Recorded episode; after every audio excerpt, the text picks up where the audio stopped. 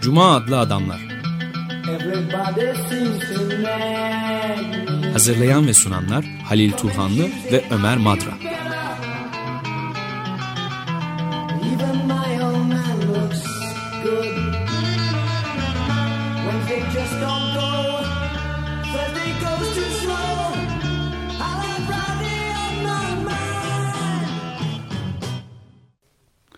Merhaba sevgili dinleyiciler.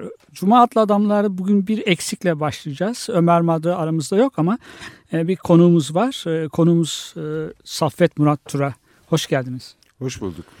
Kendisi psikoloji üzerine eğitim görmüş, psikolog, psikoterapi üzerinde eserler yazmış ama eserleri, kitapları psikoterapiyle sınırlı değil aslında. Diğer disiplinlerden de büyük yardım alarak yazılmış kitaplar. Onlardan bir tanesinin son çalışması bu, son kitabı ve çok iddialı aslında. Şimdi o iddialarla ilgili sorular soracağım, soracağız kendisine. Madde ve Mana 2011 yılında yayınlanmış. Alt başlığı ise Rasyonelitenin Kökeni. Ve ben hemen zamanımız sınırlı konuşulacak çok şey var. Hemen soruya geçeyim, sorularımıza geçeyim. E, Bu kitabın metafiziğe dönmek için yazılmış olduğunu söylüyorsunuz. Fakat bu metafizik farklı bir metafizik. Ufku, çağımızın metafizik ufkununda materyaliz, diyalektik materyalizm olduğunu söylüyorsunuz. Bu materyal, Marksistlerin pek kabul edebilecekleri bir iddia değil. Hemen kaşlarını kaldırabilecekleri, iddia, e, itiraz edecekleri bir şey. Ee, onun bir açıklamasını isteyelim sizden. Nasıl bir metafizik bu? Hegel, Marx, Engels ve Spinoza'ya dayanan bir metafizik diyorsunuz. Ee, öncelikle davetiniz için çok teşekkür ederim Halil Bey. Ee, şey, müsaade ederseniz ufak bir düzeltme yapmak istiyorum. Ben psikolog değil, psikiyatrım. Ha, pardon. Yani tıp doktoruyum, onun üzerine Ha, psikiyatri pardon. e, konusunda özelleştim. Ee, sorunuza gelince metafizik konusunda e, bir belli bir e, şey kavram karnaşı, e, kargaşasından kaynaklanıyor. Metafizik bir felsefi disiplinin adı. Kitabın başlangıcında da bunu belirtmeye çalıştım. E, Marksistlerin pek kabul edemeyeceğini söylüyorsunuz ama e, Marx tabii ki e, metafizik kavramının shift etmesinde, kaymasında bir e, önemli bir rol oynamıştır. Yani metafiziği doğaüstü anlamında kullanıyor. Halbuki e, kullanma eğiliminde. E, felsefede de genellikle metafizik dendiğinde e, kastedilen bir felsefi disiplinin adı. Buna ontoloji de diyebiliriz, varlık bilim de diyebiliriz. E, fakat e, tabii Marx'ın kullanımında anlam kaymaya başladığı için biz de günlük terim olarak kullandığımızda doğaüstü, doğa ötesi anlamında kullandığımız için böyle bir kavram kargaşası doğuyor. Aslında bir kavram kargaşası yok. Diyalektik materyalizmi yorumlayış tarzımda veyahut da benim ortaya koyduğum diyalektik materyalizm ise Engels'inkinden biraz farklı bir e, diyalektik materyalizm. Şu anlamda doğanın kendisinde bir diyalektik süreç olması söz konusu olamaz. Belki sorular açıldığında e, bunu daha etraflıca konuşabiliriz. Diyalektik bir düşünce operatörüdür. E, yani e, bir takım kavramsal karşıtlıkları aşmada işimize yarayan bir yöntemdir. Bu anlamda Hegel'den devralınmış bir şeydir. E, doğanın kendisinin ise materyalist olması e, e, e, maddi olduğunu iddia etmemiz, maddi bir dünyada, maddi bir evrende yaşadığımız şeyse ontolojik bir varsayımdır. Dolayısıyla diyalektik materyalizm bir e, menes kavram oluyor. Yani bilgi e, operatörü bir kavramı, diyalektiği, e, ontolojik bir kavramla, varlık bilimsel bir kavramla materyalizmle birleştirince bu kavram ortaya çıkıyor. Bu tabii ki Engels'in kullanımından oldukça farklı bir e, anlayışa götürüyor bizi. E, ama bu Marksizmle çelişen bir şey değil. E, bir düzeltme diyelim. Engels'in çalışmasının bir düzeltmesi diyelim. Fakat bir de şey var. Marx'la Engels'in bir kopa, kopma koparma çabaları var aslında 70'lerden itibaren de öyle bir şey de var. Evet. O doğanın diyalektiğini oldukça kaba bir Kaba anlayış bir- olduğunu evet, söylüyor. evet, doğru. Bir yandan şu da var. e, Genç Marx'ın özellikle pek Hegel'den e, etkilerinden kopamadığı Hmm. Söyleniyor ve biraz idealist yönler, ögeleri içerdiği söyleniyor genç Marx. Aslında çok şey değil, e, sakıncalı değil. Ben de sakıncalı bulunmayanlardan bir tanesi. Frankfurt Okulu'nun mesela o, o haliyle benimsedikleri söylenebilir. herhalde. Evet. Peki bir şey daha soracağım orada. Şu, e, ma- üretim araçlarının özel mülkiyetine karşı mücadeleden ibaret olmadığını söylüyorsunuz Marksizmin. Nereye uzanıyor sizce? Şimdi e, uzun yıllardır e, politik konulara çok dönük çalışmadım. Tabii daha Hı. felsefi, tıbbi, e, psikiyatrik, psikoterapötik çalışmalar yaptım. E, ve politik alanlarla çok meşgul olmadım. Ama e, giderek politik alanlara yeniden bir dönüş yapıyorum. E, benim anlayışıma göre Marksizm veyahut da e, sosyalist, komünist idealler falan diyelim. E, bunlar Büyük Fransız devriminin gerçekleşmemiş ideallerden başlatılabilecek süreçler. Yani eşitlik, özgürlük, kardeşlik gibi ilkelerden başlatılarak e, ilerlenmesi gereken e, konseptler. Dolayısıyla e, yeni bir insan tipinin ortaya çıkması, yani kapitalizm içerisindeki rekabetçi e, insanın yerini, Yabancılaşmayı aşmak. yabancılaşmanın aşılması, e, rekabetçi bir toplumun aşılması, dayanışmacı, özgürlükçü ve eşitlikçi bir toplumun kurulması bağlamında ele almak gerekir. Ee, bu meyanda da tabii ki özel mülki e, üretim araçlarının e, özel mülkiyetine son verilmesi bir araç olabilir. Yani bu amaçları başka şekilde gerçekleştirmenin bir yolu varsa onun niyete o, o da niye düşünülmesin? Bir de burada kartezyen düşüncenin sorgulandığı bir kitap var. Düşünüyorum o halde varım sözünün doğru olmayabileceğini daha önce düşünmemiştim diyorsunuz. Ee, kartezyen metafizikle bir hesaplaşmaya girdiğiniz bir kitap. Ee, bunun yanlış bir öncül olduğunu söylüyorsunuz. Bir de bundan hareket yine kartezyen düşünceyle ilgili olarak ona bağlı olarak iki soru var burada. E, psikanalizi eleştiriyorsunuz. Psikanalizi eleştirmenizin nedenlerinden bir tanesi olarak da kartezyen metafiziğe dayalı olduğunu söylemişsiniz. Sizi yanlış anlamadıysam. Kartezyen metafiziğin varsayımlarından yararlandığını benimsediği için psikanalizin sorumlu, radikal biçimde hem de sorumlu olduğunu söylemişsiniz. E, nedir bu sorunlar? Bir de kar, kartezyen özneyle hesaplaşma, metot üzerine düşünmeyi okuduğunuzda çok büyülendim demişsiniz genç Evet. yaşta. Daha Çok sonra, genç yaşta okudum Evet. metot üzerine. aslında bir genç yaşta da öyle çok e, genç okuru kolay kolay büyülenebileceği şey değil. Kitap değil yani zor bir şey. Hmm. E, yöntem üzerine konuşmayı. Evet. Pardon genç yaş. E, bu, hesaplaşmayı çok uzun olduğunu biliyorum. Yani kitabın ona ayrılmış bir kitap var. 300 küsur sayfalık bir kitap. 400 E, sayfaya 400 girdim. pardon. E, onu özetlemek de mümkün değil. Çok kısa olarak dinleyicilerimize söyleyelim. Bir de psikanalizin sorunları tabii. Ee, Şimdi e, sorunuz iki boyutlu. Bir tanesi benim kartezyen metafizikle e, gerçekten de e, şey kitabın önemli bir bölümü bu tema üzerinden gidiyor. Kartezyen metafizik bir ikilikçi dünya görüşü ortaya koyar. Yani düşünen tözle maddi tözü birbirinden ayrı e, varlık tarzları olarak ele alır ve bunların birbiriyle insanda etkileştiğini söyler.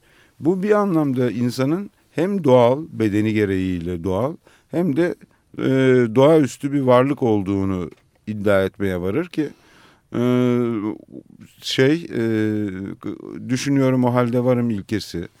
E, tabii burada çok e, ele alamayacağımız şekilde birçok filozof tarafından zaten daha önce de eleştirilmişti. Yani e, şu şekilde diyelim e, mesela e, düşünüyorum o halde varım ilkesine varmak için Descartes her şeyden evvel e, bir metodik şüpheden hareket eder. Yani e, her şeyden şüphe eder, her şeyi e, şey yapar, e, bir rüya olabileceğini söyler ve bunları bir cinin, bir kötü cinin kendisine rüya olarak gösterebileceğini den başlayarak e, sarsılmaz bir aksiyoma, bir e, önermeye ulaşmak ister ve şüphe ettiğinden şüphe etmeye edemeyeceğini, dolayısıyla düşündüğünü düşünüyorsa da var olduğu sonucu var olduğu sonucuna varır. Fakat aslında burada dikkat edersek Descartes hiçbir zaman argümanı boyunca varlığından hiçbir zaman şüphe etmemiştir. Bu varlık e, dan hiçbir zaman şüphe etmediği için de ulaştığı sonuç totolojiktir aslında. O sizde şüphecilikten de şüphe etmek gerekir diyorsunuz. Şüphesiz eğer e, Descartes'in e, şeyini argümanını göz önüne al, ne alırsak e, bir cinin beni şüphe ettirdiğinden e, ettir, ettirtmediğinden nasıl emin olabilirim? E, yani Descartes'in argümanı oldukça e, eleştiriliye açık bir argüman. Benim kitabımda bambaşka bir şekilde eleştiriliyor tabii. E, şey e, e, psikanalizle ilgili eleştirilerime gelince bunları klinik eleştiriler olarak ele almayın. Bazı meslektaşlarım da o şekilde ele alıyorlar.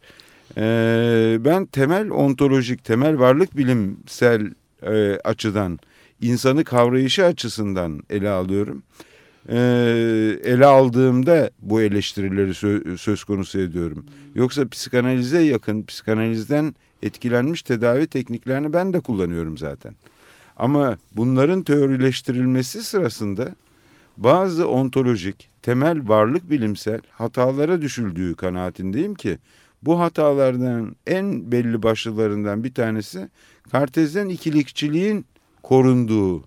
Yani bir zihin var, bir beden var diye özetleyelim. Böyle bir ikiliğin içerisinde hareket ediyor. Özellikle Freud'un 1915 yazılarında çok belirgindir bu. Ee, benim e, psikanalizle ilgili kaygılarım burada teorik düzeyde. Dediğim gibi o muhteşem pratiğin doğru teorileştirilmediği kanaatindeyim. Peki bir ontolojik düzeyde ele aldığınızı söylediğiniz sorunuz meseleyi bir de aslında galiba bir de epistemolojik bir boyutu var. Evet. Katı epistemoloji diye bir söz kullanmışsınız. Bir sözcük, bir ifadeniz var. Ee, bu bana biraz şey hatırlattı. Rorty'nin Evet. Rorty'nin e, e, Doğanın Aynası'nda küçük bir dipnot vardı. Orada Gadamer'in epistemolojiyi reddettiğini söyler ve bunda iyi olduğunu. Yani bilginin bizatihi bilginin kendisinin çok katı olduğunu, olumsallığa kapalı olduğunu söyler. Fakat sizde böyle bir epistemolojinin reddi yok ama galiba daha esnek bir epistemolojiden yanasınız. E, epistemolojik olarak e, biraz Althusser'den etkilendiğimi söyleyebilirim. E, şeyi yani bilgi sorunu madde ve mananın temel sorunlarından biri değil. Ama ister istemez girdiğimiz konulardan bir tanesi. Ee, şey e, şöyle ifade edelim. Ee, belli bir teorik sorunsal çerçevesinde biz bazı şeyleri kavrayabilme durumundayız ve bilgi üretimini de sosyal pratik olarak ele almak durumundayız. Althusser'den kalktığımız zaman kullanabileceğimiz kavramlar bunlar gibi e, gözüküyor. Althusser'de e, şey madde ve mana, manada da bu anlamda bir epistemolojiye sahip çıktım. E, o, o çerçevede düşündüm yani. E, bir de kitapta çok e, üzerine durduğunuz bir şey var. Doğa kapalı bir sistem kendi içinde açıklanabilir bir sistem olduğunu söylüyorsunuz. Bunu biraz açmanızı isteyeceğim. Yani kapalı, kendi içinde açıklanabilir bir sistem olmasını. Bir de yine bir ona bağlı olarak bir soru var. Ee, özel bir, kendi kapalı bir sistem olduğunu özellikle evrim teorisinin bunu desteklediğini söylemişsiniz galiba. Yanılmıyorsam yani yanlış okumadıysam. Size, ama siz diyorsunuz ki yine kitapta e, evrim teorisinde ben metafizik boyutta tartışıyorum diyorsunuz. Oysa başta sorduğum gibi Marksistlerin e, metafizik kabul etmeyecekleri gibi evrim teorisini kabul edenler de e, metafiziğe biraz yabancılar sırtını dönmüş oldu. İşte burada metafizik kavramının çift anlamlılığı evet. ortaya çıkıyor. Bir kez daha çıkıyor. Ee, bir kez daha çıkıyor. Yani metafizik dediğim zaman ben doğa ötesini kastetmiyorum. Evet. Bir felsefe disiplini olarak e, metafiziği kastediyorum. Biliyorsunuz metafizik kelimesi Aristo'nun çalışmaları sırasında fizikten Fizik isimli kitabından sonra gelen e, kitabına metafizik adı verilmiştir.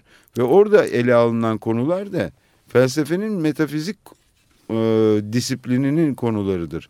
Dolayısıyla ben herhangi bir şekilde doğa ötesinden e, söz etmiyorum. Evrim teorisinde de e, evrim teorisini de ele alırken bir doğa ötesi şeyden bahsetmiyorum. Doğanın kendi içerisinde e, ya da evrenin doğayla evreni eşit anlam aynı anlamda kullanıyorum. E, kendi içinde açıklanabilir olduğu bilimin en temel varsayımıdır bana kalırsa. E, çünkü eğer e, dışarıdan varsayımlara, doğa ötesi varsayımlara başvurmaya kalkarsak bu işin bilimle alakası kalmaz. Bilimin içerisinde e, ilerlemeye çalışırsak şunu görüyoruz ki doğayı kendi içerisinde açıklanabilir bir sistem olarak varsaymak durumundayız. Gerçekten böyle midir? Gerçekten doğa e, kendi içinde açıklanabilir bir sistem midir? Bu e, meçhul. Evrim teorisi bunun kanıtı olabilir Bunu- mi? Bunun kanıtlarından bir tane veyahut da buna güzel örneklerden biri. Ama yeterli olduğunu söyleyemem. Yani mesela bugün Big Bang teorisi e, biliyorsunuz fizikte hakim. CERN'de filan hala bunun şeyleri yapılıyor. Mesela bu kendi içerisinde açıklanabilir evren modeline kısmen de olsa biraz daha yaklaşıldığını gösteriyor bana kalırsa. Ee, ama kitapta dikkat ederseniz bu açıklamanın hiçbir zaman e, tamamlanamayacağı da söyleniyor. Yani biz doğayı hiçbir zaman kendi içinde açıklamayı beceremeyeceğiz e, gibi bir argüman da yürütülüyor. Ama bilimsel ya da filozofik çalışmalarımızı bu yönde götürmek zorundayız. Hmm, Doğanın kendi içerisinde açıklanabilir olduğunu iddia etmek çok büyük bir iddia. Evet. Ama bunu varsaymadan da bilim yapmanın imkanı yok. Bu bir varsayım. Evet. Bu varsayımdan yola çıkıyoruz yani. Ama çok kuvvetli bir varsayım yani. Evet, güçlü bir varsayım. Ama bilimde başka türlü Evet. yapılamaz yani. Ee, eğer doğayı kendi içerisinde açıklayamazsak e, ne diye dua yapıyoruz? E, bilim yapıyoruz yani. e, ruh çağıralım falan bir şey yapalım. Evet. Peki, Ömer Madra'nın eksikliğini burada hissediyoruz. O olsaydı şimdi iki kez en azından kitabın künyesini vermiş olur. Ben ihmal ettim. Bir sonraki soruya geçmeden kitabın künyesini vereyim ben. Buyurun. Ee, Saffet Murat Turan'ın 2011 yılında yayınlanmış olan Madde ve Mana alt başlığı da Rasyonelitenin Kökeni kitap. Metis yayınlarından yayınlanmış. Oldukça hacimli bir kitap, oylumlu bir kitap. Ben e, 3 küsür demiştim, 400'e varan 400 sayfaya varan bir kitap ama kitabın sayfaların önemi yok. Her sayfada da her bölümde de iddialı ve o iddiaları tartışıyoruz. Ben de e, o iddiaları açmasını istiyorum kendilerinden. E, sizleri aydınlatmaya çalışıyoruz. Ben de aydınlanıyorum bu arada. Kitabı büyük keyifle okudum. Çok teşekkür ben, ederim Benim Bey, yaban biraz yabancı olduğum bir konu olmakla birlikte. E, peki bir şey- soru daha. Bu kez felsefeyle ilgili. E, felsefenin vazgeçilmez bir bilim- temel bilme tarzı olarak nitelemişsiniz. Bilimden öğrendiğimiz her şeyin üst anlamının araştırıldığı bir Bir alan alan, olarak doğru, da görüyoruz. Buna göre felsefe diğer disiplinlerden hatta bilimin karşısında da ayrıcalıklı bir konumda mı? Onu mu Ee, söylemek istiyorsunuz bize? Evet, ben felsefeye çok önem veriyorum. Ee, kendi varlığımı hissettiğim, bu dünyadaki e, varlığımı hissettiğimden beri yaptığım şeylerin bir, bir tür e, felsefeye açıldığını zaman içerisinde gördüm.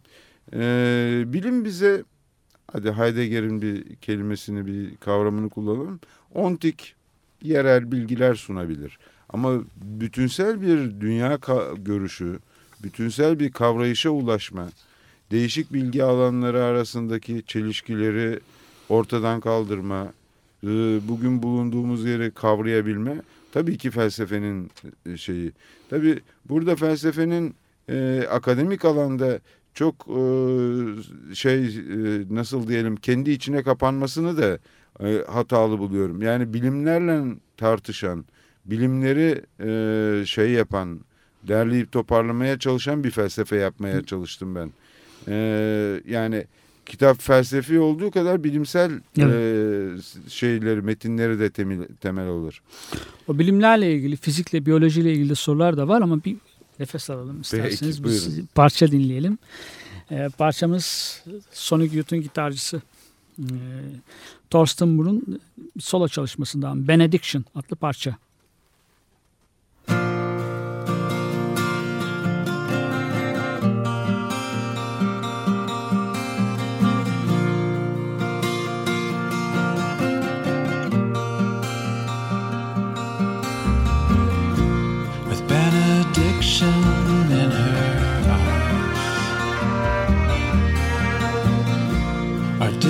Gods are not surprised.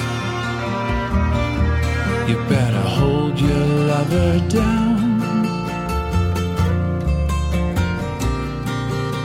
and Tie him to the ground.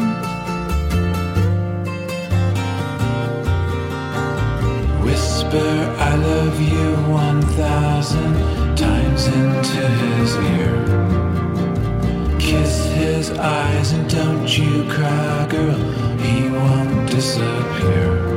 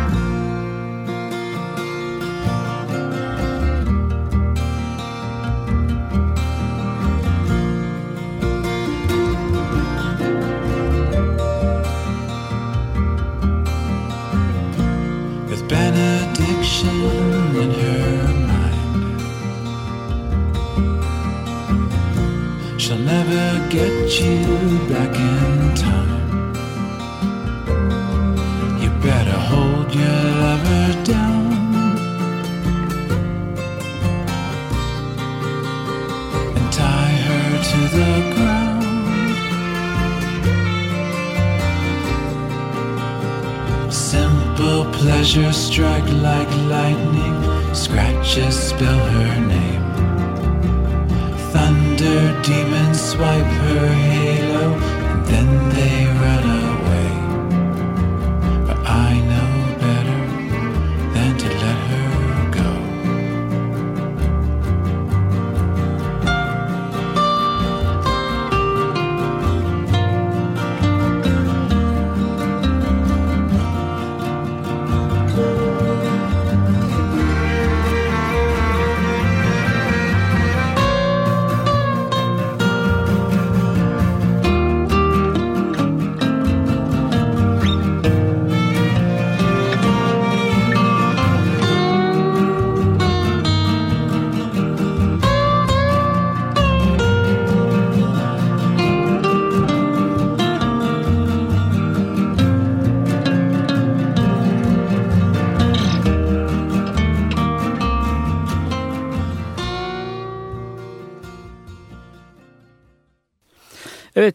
Thorsten Moore'un bir parçasıyla ara verdik. Benediction adlı parçayı dinledik ve devam ediyoruz. Konumuz Saffet Murat Tura.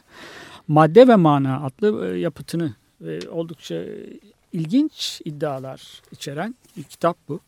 Bir kez daha künyesini vereceğim sizlere. Alt baş, Madde ve Mana adlı başlıklı bu kitabın alt başlığı da Rasyonelitenin Kökeni Metis yayınlarından 2011 yılında yayınlanmış. Evet sorularımızla devam ediyor program. Demin felsefenin ayrıcalık bir disiplinde olup olmadığını sormuştuk ve bilimler, bilimleri de önemsediğinizi söylediniz. Orada da parçaya girmiştik. Ee, evet, kitapta da onu vurguluyorsunuz zaten. Varlığın anlamını, varoluş kaygılarını tek başına açıklayamadığını da söylüyorsunuz. Bilimi önemsemekle birlikte fiziğin yetersiz olduğunu. Diğer bilimler, biyolojinin de katkısı, devrimci bir bilim olarak nitelemişsiniz biyolojiyi. Neden çok fazla duruyorsunuz üzerinde biyolojinin. E, dev, evrim teorisinden dolayı mı devrimci bir bilim? Ee, evrim teorisiyle sınırlayamayız zannederim. Ee, şimdi e, biyoloji şöyle bahsedeyim. Tabii çok uzun yıllara yayılan bir biyoloji eğitiminden geliyorum. 11 yıl kadar süren bir biyoloji eğitimi sonuç itibariyle. Ee, dolayısıyla e, biyolojiden etkilenmiş olmam çok açık, çok anlaşılabilir bir şey. E, burada esas mesele e, bir doğa bilimi olmasına rağmen biyolojinin ayrıcalıklı bir epistemik yapısı veyahut epistemolojik yapısının olmasında. Yani doğa bilimlerinde mesela prototip olarak e, fiziği ele alırsak nasıl sorusunu açıklamamız gerekir. Ee, yani bir takım ereksel süreçleri e, fizikte sorgulayamayız. Böyle bir sorgulama tarzı yoktur. Nasıl oluyor? Nasıl taş yere düşüyor? işte nasıl işte efendime söyleyeyim atomlar e, oluşuyor işte e, yüksek füzyon e, şey sıcak füzyon olayıyla diye bunların açıklamalarını getirebilir bize. Halbuki biyolojinin özel bir tarafı var ki niçin sorusunu da soruyor. Yani kalbin kanı nasıl pompaladığını biyolojide e, nasıl, tıpkı fizikte olduğu gibi açıklıyorsunuz. Nasıl sorusunu soruyorsunuz. Ama aynı zamanda niçin sorusunu da soruyorsunuz. Yani kalp niçin kanı pompalıyor? İşte buradan baktığınız zaman doğa biliminde ilk defa sadece nasıl sorusunun değil, niçin yani bir telosun da devreye girdiğini görmüş oluyorsunuz. Ee, dolayısıyla doğa bilimlerinin diğer alanlarına, fiziğe ve kimyaya geniş ölçüde dayanmasına rağmen biyoloji, sorgulama tarzı itibariyle onlara indirgenebilir bir bilim dalı değil. Devrimci oluşu da oradan. Yani bir doğa biliminde ilk defa niçini, telosu, bir amacı, bir maksadı. Yani kalp niye pompalıyor? Değil mi? diye Hı. sorabiliyoruz. Hı. Ve üstelik de kalbin kendisi bunu niye yaptığının da farkında değil yani. Ee, dikkat ederseniz burada bu biyo- tabii burada çok kısa geçmek durumundayız. Biyoloji felsefesi açısından baktığımızda biyolojinin hakikaten doğa bilimine çok büyük yeni bir açılım, yeni bir düşünce tarzı getirmiş olduğunu görüyoruz. Onu anlatmak istedim. ben. Peki burada e, bir soru daha soracağım ama dinleyicilerimizi de hatırlatalım. Cuma adlı Adamlar programındayız. Bu hafta Ömer Madra bizimle yok ama e, konuğumuz var. Saffet Murat Turay'la Madde ve Mana adlı kitabının ıı, tartışıyoruz. E, bizi o kitaptaki kavramlarını, tezlerini açmasını istiyoruz kendisinden. Şimdi bir soru daha bu açıcı e, kitabın tezlerini açıcı bir soru daha soracağım. E, evrim teorisinin e, metafizik doğa felsefesiyle ilgili ilişkilendiriyorsunuz, birlikte ele alıyorsunuz. Evrim teorisi sadece kökleri açıklayan bir teoriden fa- daha fazlasıdır demişsiniz. Bütünleştirici bir metafizik düşüncenin bu niteliği de kazandırdığını, daha fazla yaptığını, daha fazla kıldığını söylüyorsunuz bize. Bu metafizik doğa felsefesini açabilir miyiz biraz? Ee, Biraz evvel söylediğim gibi metafiziği e, bir felsefi disiplin olarak e, ele alıyorum. Yani doğa ötesi e, bir anlamına değil. E, Evrim teorisinin e, şey yapması e, bizler için önemli olmasının nedeni e, bir bakıma da yani metafizik tartışmalar açısından e, önemi de herkesin bildiği gibi e, deizm, teizm filan gibi e, kavramlar karşısında e, veyahut ka- bunlarla ilişkili olarak da düşünülebilir olması bir bakıma. E, ve bize kendi varoluş tarzımızın doğanın bir parçası olarak nasıl açıklanabileceğini gösteriyor.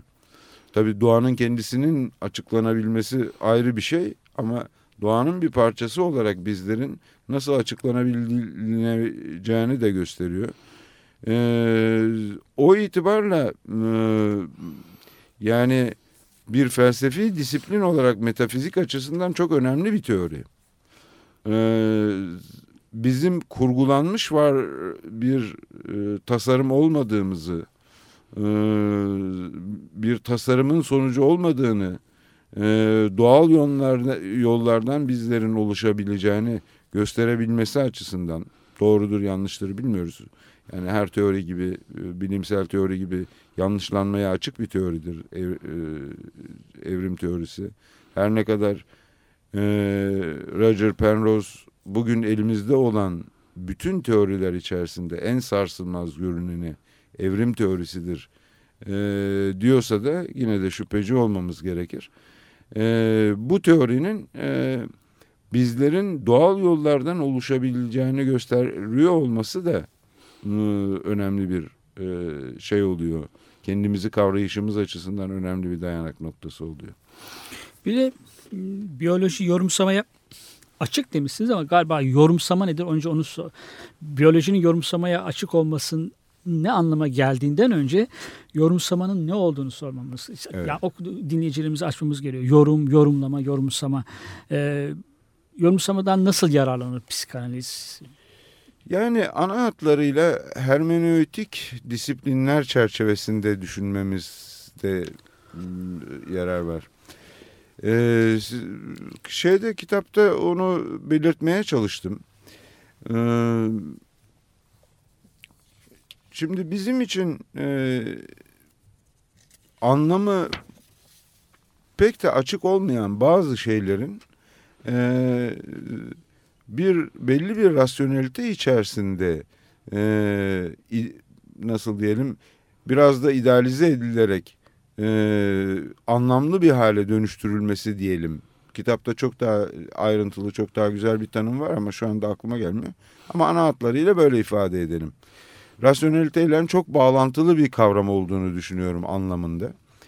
Şimdi e, biraz evvel verdiğimiz kalp örneğini düşünelim. Kalp örneğinde niçin sorusunu sorduğumuz zaman bir yorum yapmamız gerekiyor. Dikkat ederseniz.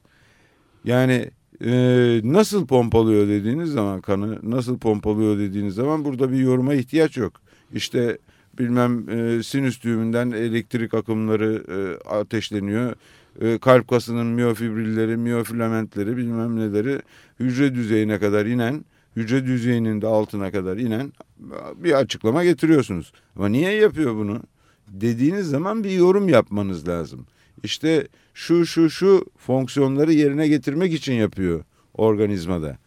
İşte daha e, bilinçli olmayan e, organizasyonlar seviyesinde e, bile yorum yapmaya başlıyoruz. Ki biyolojinin fizikten farkı burada karşımıza çıkmaya başlıyor. Yani nasıl sorusunu değil, niçin sorusunu sorduğumuz anda bir anda yorumsamayla da karşı karşıya giriyoruz ve biyolojinin içine giriyor. Peki. e, ben tekrar kitabın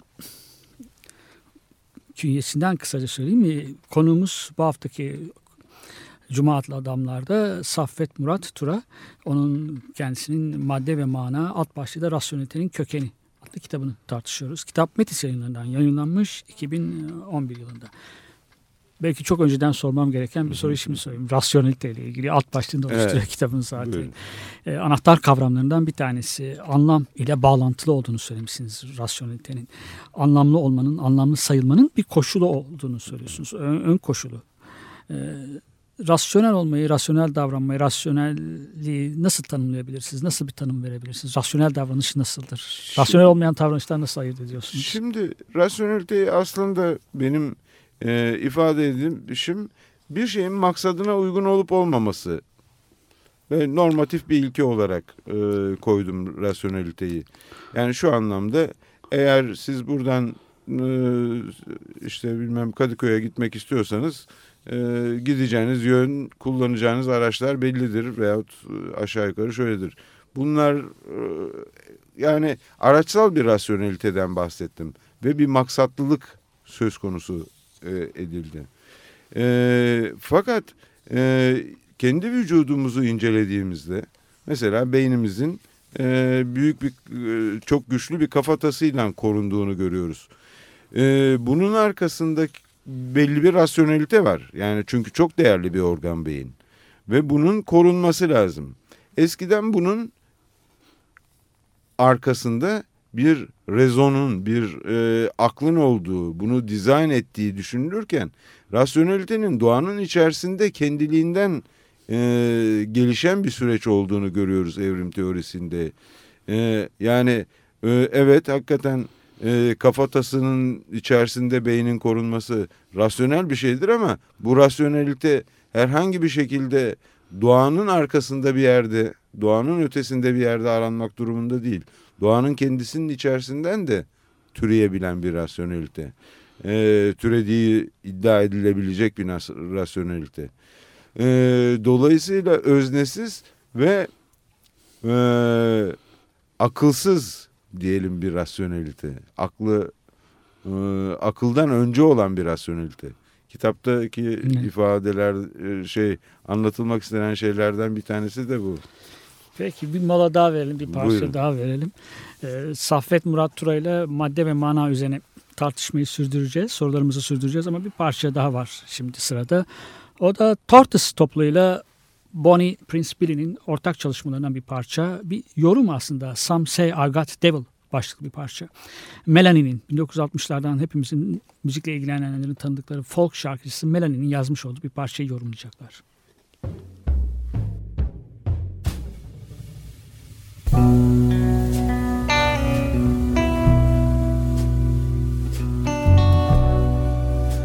say I got devil. Some say I got angel. But I'm just a girl in trouble. Don't think I'm in danger. No, don't think I'm in danger. No, I know I'm not in danger. But some have tried to sell me all kinds of things to save me from hurting like a woman, crying like a baby, something like a woman, crying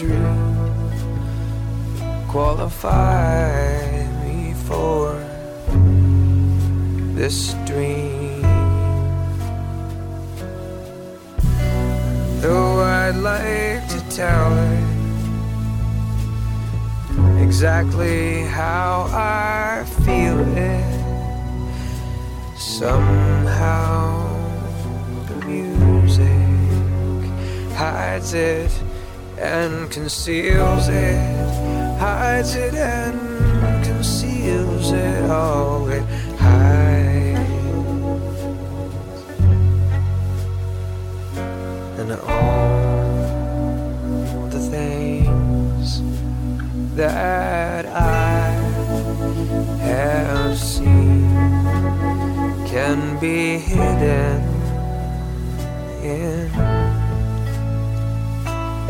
part of my dream.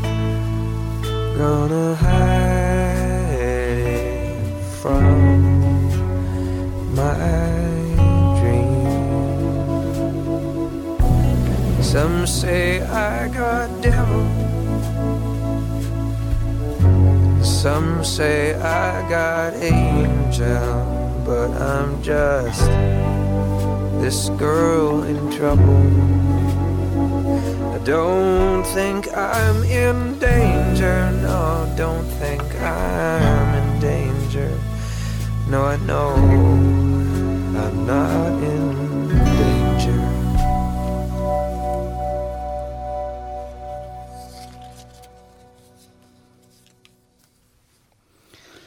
Cuma Atlı Adamlar devam ediyor. Stüdyodaki konumuz Saffet Murat Tura.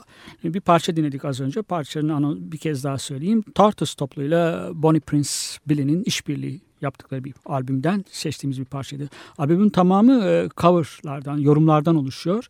Az önce dinlediğimizde parçada bir yorumdu. Melanie'nin yazmış olduğu güzel bir parça. Some Say I Got Devil. Başlıklı parçaydı. Sorularımızı sürdürüyoruz. E, kitabın sofistike problemlerinden birinin en sofistike problemi olduğunu söylüyorsunuz. Beyin fenomenolojisinin. Evet. Oldukça kitabın ikinci bölümü buna ayrılmış. Bunu özetlemek neredeyse mümkün. Özetlemek dahi çok zor e, biliyorum. Fakat özetlemenizi yine de isteyeceğim dinleyiciler için. Beyin fenomenolojisi nedir? Ne anlıyoruz bundan? Ee, şimdi şimdi hmm, hakikaten zor sorudur. Ee, Ama kitabında da çok evet, kitapta da çok önemli bir e, şey yapıyor. Şimdi e, biliyoruz ki bizim şu andaki mesela varlığım, varlık tarzımız belli bir experience, belli bir deneyim aslında. Yani ben sizin varlığınızı eğer naif tavrımla baksam e, işte Halil Bey'i karşımda görüyorum diye düşünürüm. Halbuki ben Halil Bey'i ke- kendi karşımda görmüyorum. Halil Bey dediğim şeyin bende meydana getirdiği deneyimle karşı karşıyayım. Şimdi beyni eğer tek başına ele alırsak beyinde bir takım fiziko-kimyasal olaylar geçiyor. Elektronlar, protonlar e, şuradan buraya gidiyor. E, işte e, nöronlar şöyle ateşleniyor filan. Ama bütün bunlardan nasıl olup da bir e, deneyimleme, hatta kendi varlığını deneyimleme, renkleri deneyimleme gibi bir durum ortaya çıkıyor. Yani bizim esas e, varlık tarzımızı oluşturan, özgün varlık tarzımızı oluşturan şey nasıl ortaya çıkıyor? Tabii bu konuda e, söylenebilecek çok şey olduğu gibi e, doğru bir şey söylemek de imkansız gibi bir şey. Çok şey söylenebilir ama doğru bir şey söylemek çok zor. Peki e, kitapta az önce söz ettik e, Descartes sizi çok etkilediğini söylüyorsunuz. E, büyülemiş hatta. 16 yaşında mı okumuştunuz? Evet, evet. 16 yaş çok genç aslında bir yaş Evet. Descartes için. E, fakat Spinoza da var kitapta. Spinoza'yı da e, Hegel, Marx, Engels ve Spinoza'ya dördüncü isim Hmm. olarak hemen o üç isim, ilk üç isim e, alışıldık bir üçlü. Hı, Fakat Spinoza biraz daha son zamanlarda ilgi zamanlarda. görülen otonomcuların, Negri'nin, Evet. Balibar'ın e, üzerine düşündükleri, ya, ya- önemsedikleri bir düşünür. Neden önemli Spinoza? Bir şey daha pardon ben söyleyeceğim. Spinoza'ya karşı onun da bir tür kartezyen düşüncenin devamı olduğunu da söyleyenler var. Ed- Edward Said ile ilgili bir seçkin içerisinde okuduğum bir yazı hatırlıyorum. Spinoza'ya karşı da Vico'yu koyuyorlar mesela. Neden önemli Spinoza sizce? Spinoza'yı önemseme sebebim e, aslında Hegel'de Spinoza'nın çok büyük e, şeylerinin katkılarının olduğunu düşünüyorum. E, tabii bunun için de biraz e, Alman idealizmine de girmek lazım. Şimdi size şöyle ifade edeyim. Fichte'de e, benin ben diyebileceğimiz bir şeyin yani am- e, şey bir konuşma samimi bir sohbet çerçevesinde ifade ediyorum. Mümkün olduğu kadar felsefi terimleri kolay anlaşılabilir hale getirmeye çalışıyor çalışıyorum. Bir benin içerisinde yer alan nesnelerden bahsedebiliriz. Halbuki e, bu idealist bir yaklaşım bir, bir bakıma idealist yaklaşımların hani Fichte'deki tezahürü ama önemli bir şekilde ifade ediyor. Ee, ve şey e, nasıl diyelim e, maddi olmayan bir şekilde kavradığı benin içerisindeki nesnelerden bahsederken Fichte tam tersine Spinoza'da beni içine alan bir başka şey var. Ee, ben o bütünün bir parçası. Dolayısıyla idealizmin biraz tersinde e, yaklaşımı var Spinoza'nın. Yani bana kalırsa tamam materyalist diyemeyiz ama bir şekilde materyalizme açılan ilk e, şeylerden, ilk yaklaşımlardan bir tanesi olduğunu düşünüyorum Spinoza'nın.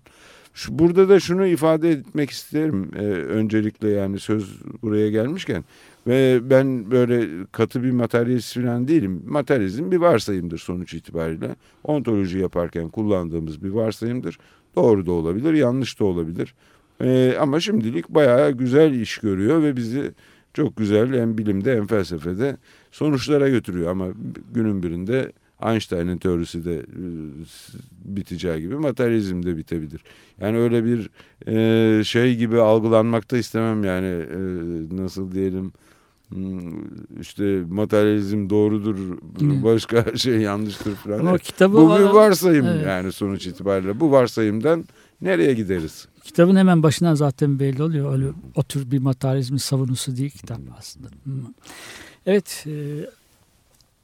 E, Cuma adlı adamların konuğu Saffet Murat Tura kendisiyle madde ve mana adlı çalışmasında ilişkin sorular soruyoruz. O ki- kitaptaki tezlerini açmasını söylüyoruz. e, istiyoruz, talep ediyoruz kendisinden.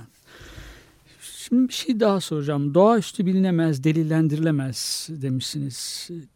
Doğaüstüne ilişkin, doğaüstünden ilişkin deneyimlerimizden bilgi edinemeyiz mi demek istiyorsunuz? Eğer siz yanlış anlamadıysam.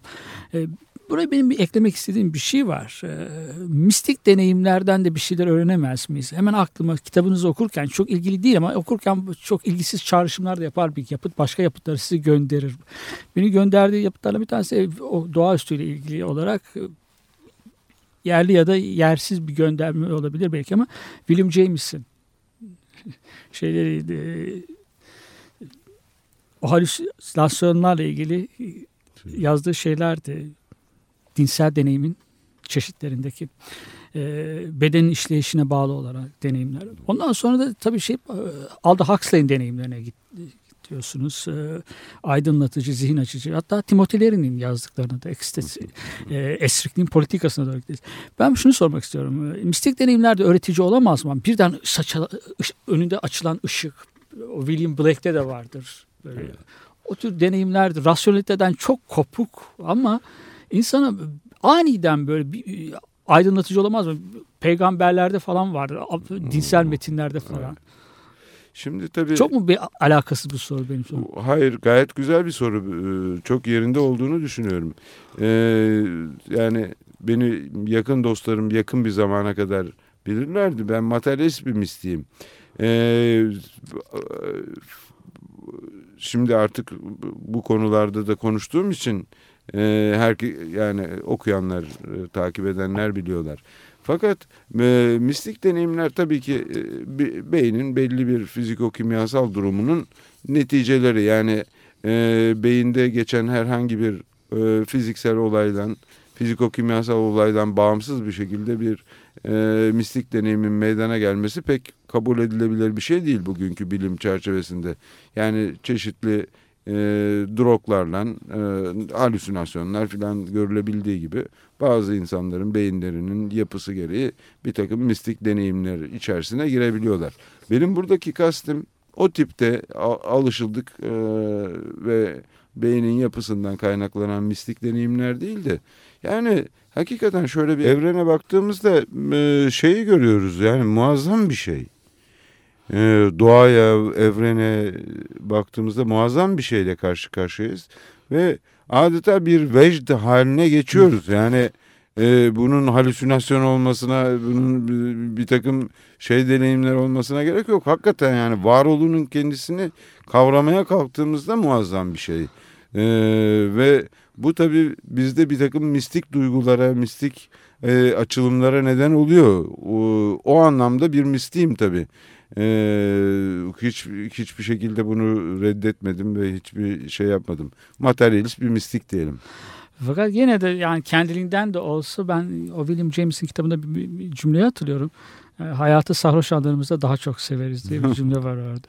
Çok doğru, çok güzel. Peki bir- anlamda başa gelmiş olacağım ama Buyurun. orada eksik kalan bir şey var. Eksik kalan bir halka var. Onu tamamlayalım isterseniz. Şüphecilikten şüphe etmemiz gerekir demişsiniz ama e, ateistin de bir noktada inanç problemi vardır diyorsunuz. Şüphecilikten şüphe etmek bir anda in- inanca mı götürüyor? Ateist de e, kendi inançsızlığından şüphe etmelidir? Onu, o e, ateistin bu inanç sorunu nerede nerede başlıyor? Onu ben sorayım. Bir Şimdi o eksiği bir tamamlayalım. Ee, Şimdi e, yani benim materyalist varsayımı kullanıyor olmam ateist olmamı gerektirdiğini düşünmüyorum. E, materyalizm dediğim gibi bir varsayım.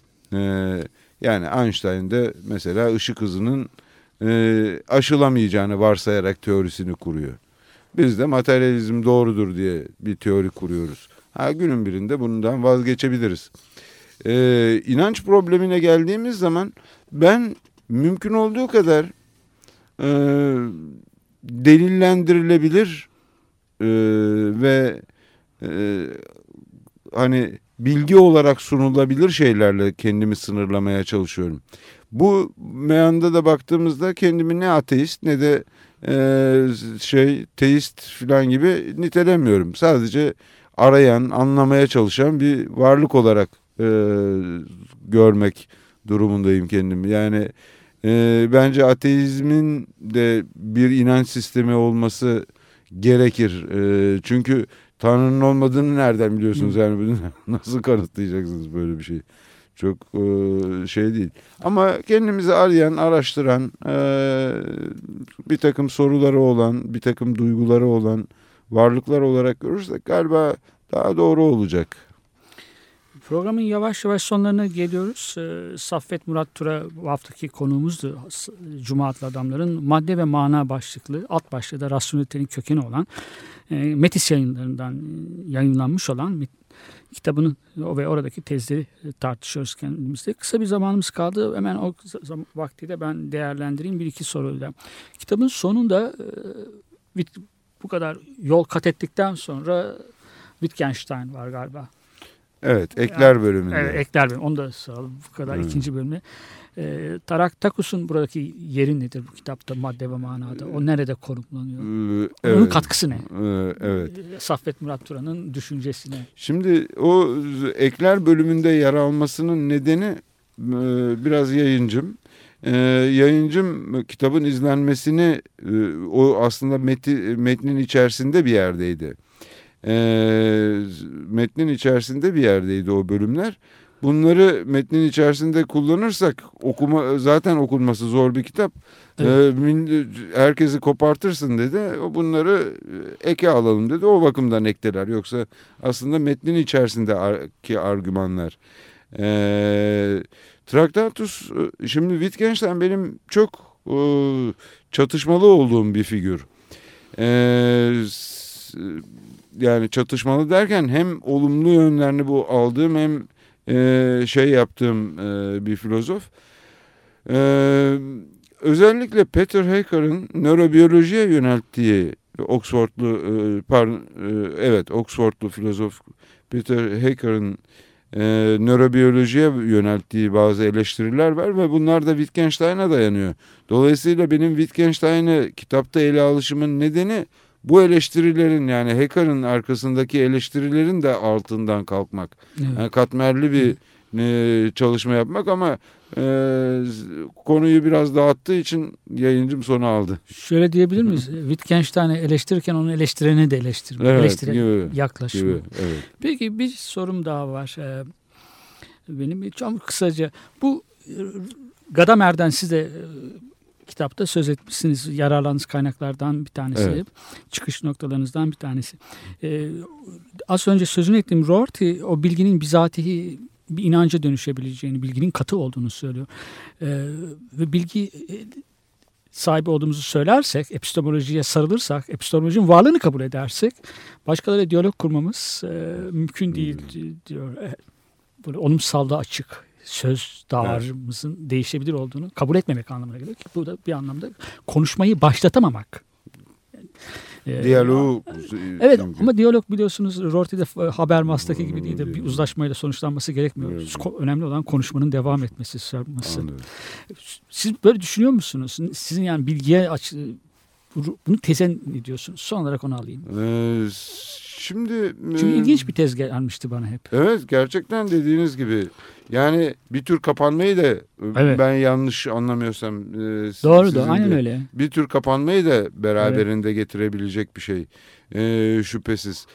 E, karar vermesi çok zor ama madde ve mana bilgiye dayanan bir Evet. kitap Bur- bizi burada konuşturuyor. evet. Peki. Çok çok teşekkürler. İşte, sonuna geldik programımızın. Ee, Saffet Murat Tura ile gayet keyifli bir söyleşi oldu ve bu zor bir kitap. Başta e, 400 sayfalık zor bir metin madde ve mana. Bize kolaylaştırdılar. Anlamımızı daha e, yol açtılar. Anahtar e, o kavramlarla kapılarını açtılar. Teşekkür Çok ederim. teşekkür sağ olun. ederiz. Ben teşekkür ederim. Sağ olun. Kitabı e, programın son parçası da Richie Havens'ın. Onunla çıkış yapacağız. Going Back to My Roots. Herkese iyi bir hafta sonu.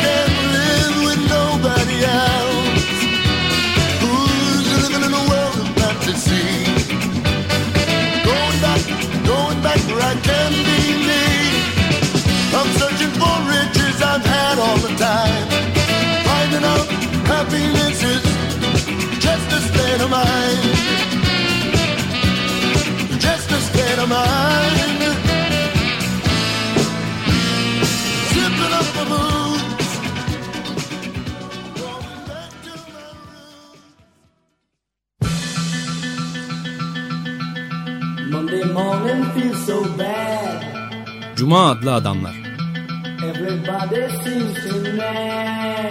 Hazırlayan ve sunanlar Halil Turhanlı ve Ömer Madra.